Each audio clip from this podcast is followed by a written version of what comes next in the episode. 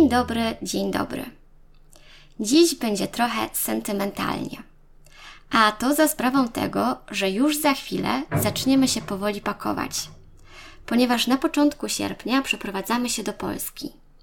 O powodach naszej decyzji mam w planie nagrać osobny podcast, dlatego nie będę się dzisiaj zbytnio rozgadywać na ten temat ale robiąc ostatnio taki wstępny przegląd tych wszystkich rzeczy, które zabieramy ze sobą do Polski, przypomniał mi się okres, gdy ponad 4 lata temu przyjechałam do Londynu.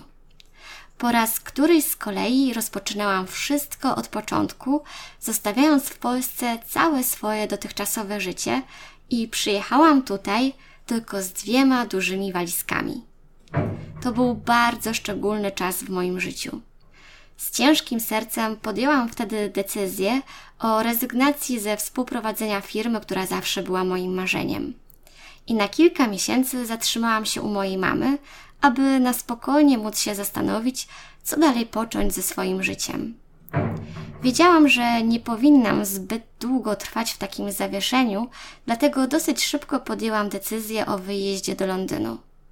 Wcześniej już dwukrotnie zdarzyło mi się podjąć taką decyzję o emigracji. Za pierwszym razem zaraz po zdaniu matury, a za drugim razem, gdy przestraszyłam się prowadzenia swojej małej, jednoosobowej firmy, którą założyłam, gdy miałam jakieś 22 lata. Tak więc wtedy to miał być ten trzeci raz.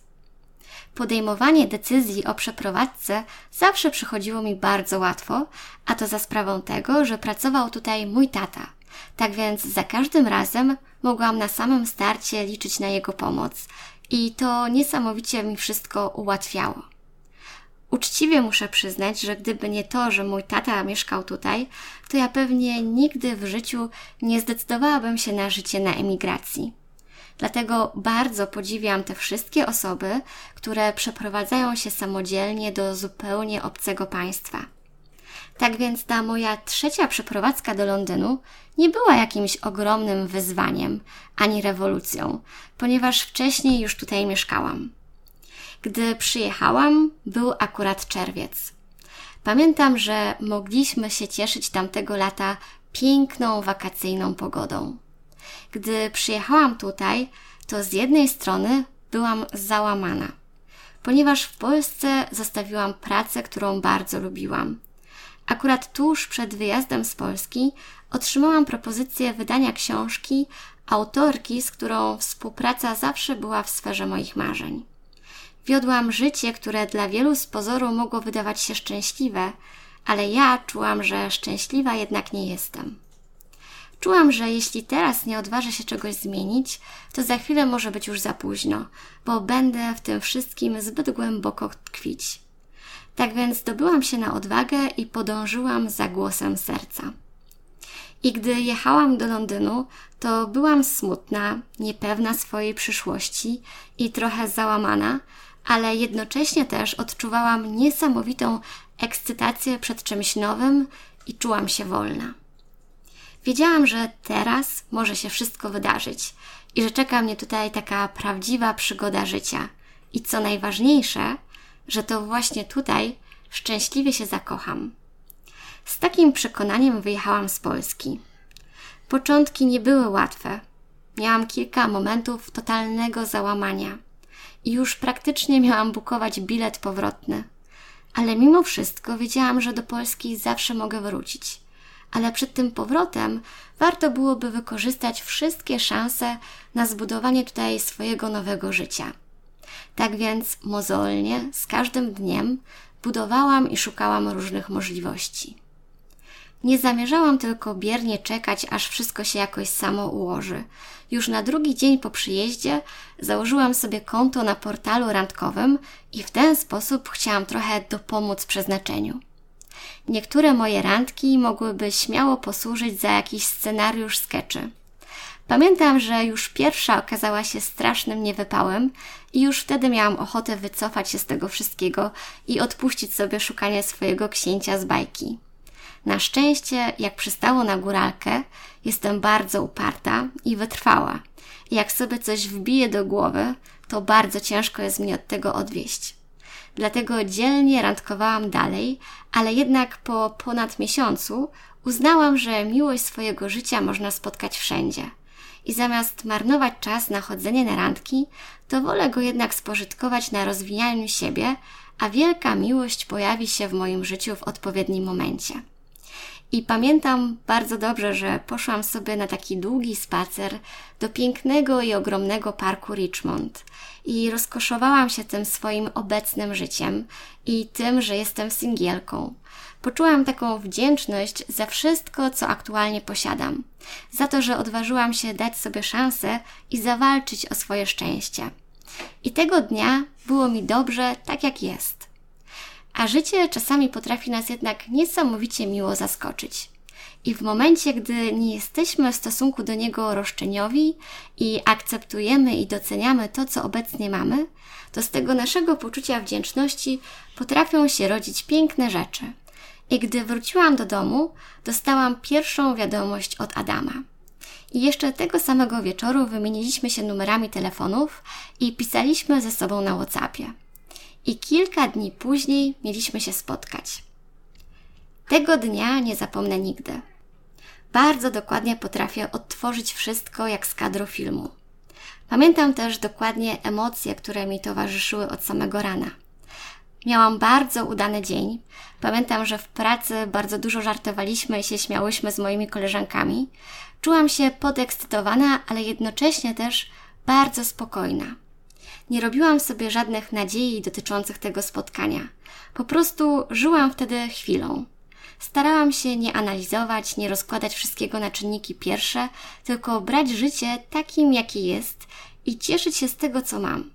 Tak więc dzięki temu, że w tamtym momencie życia czułam się pogodzona i szczęśliwa z faktu, że jestem niezależną singielką, to nie miałam wtedy tych wszystkich oczekiwań i płonnych nadziei. Umówiliśmy się po pracy jakoś koło 18 w bardzo malowniczym miejscu. I gdy go tylko zobaczyłam, to wiedziałam, że to jest on. Mężczyzna mojego życia, dla którego tutaj przyjechałam.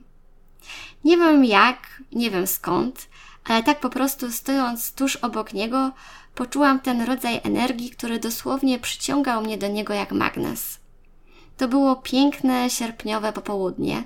Kupiliśmy piwo w pubie i usiedliśmy sobie na ławce z przepięknym widokiem na Tamizę.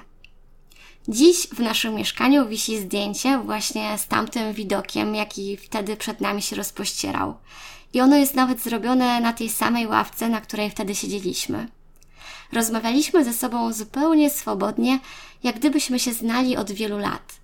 Tego wieczoru zdążyliśmy sobie opowiedzieć o całym naszym dotychczasowym życiu. Pamiętam, że było już strasznie późno, gdy zbieraliśmy się do domu, a Adam mieszkał wtedy na drugim końcu Londynu i dopiero około pierwszej w nocy dotarł do domu. Do następnego spotkania doszło jakieś dwa dni później. I można powiedzieć, że to właśnie od tamtego dnia rozpoczął się nasz związek, bo świętowaliśmy wtedy zamknięcie swoich kont na portalu randkowym. Pamiętam, że gdy chodziłam na te wszystkie wcześniejsze randki i później opowiadałam o nich koleżankom, to one się dziwiły, dlaczego nie chcę się spotykać z tymi chłopakami po raz drugi. Ja wtedy tylko wzruszałam ramionami i mówiłam, że szkoda czasu na drugie spotkanie, jeśli czuję, że to nie to. Bo ja uparłam się wtedy, że chcę poznać kogoś, z kim od razu poczuję tą niezwykłą chemię, o której się tyle mówi. I wtedy inni patrzyli na mnie z takim lekkim politowaniem i w duchu podśmiewując się z mojej dziecięcej naiwności. Więc gdy wreszcie poznałam Adama i poczułam dokładnie to, co chciałam poczuć, to dla wszystkich było jasne, że to pewnie skończy się ślubem. I na tym ślubnym kobiercu staniemy, tylko pewnie już na spokojnie w przyszłym roku, gdy nasz maluszek trochę jeszcze podrośnie.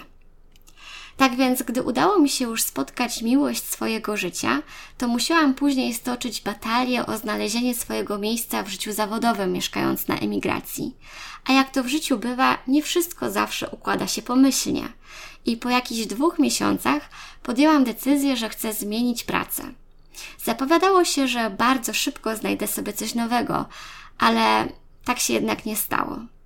To też był dla mnie trochę trudniejszy czas, ale wiedziałam, że skoro los się do mnie uśmiechnął i jestem w szczęśliwym związku, to teraz muszę się trochę wysilić i zawalczyć o to, aby zbudować sobie tutaj jakieś sensowne, zawodowe życie u boku miłości mojego życia. Po licznych próbach i zmaganiach udało mi się stworzyć sobie miejsce pracy, a w niedługim czasie tą pracę organizowałam także dla innych.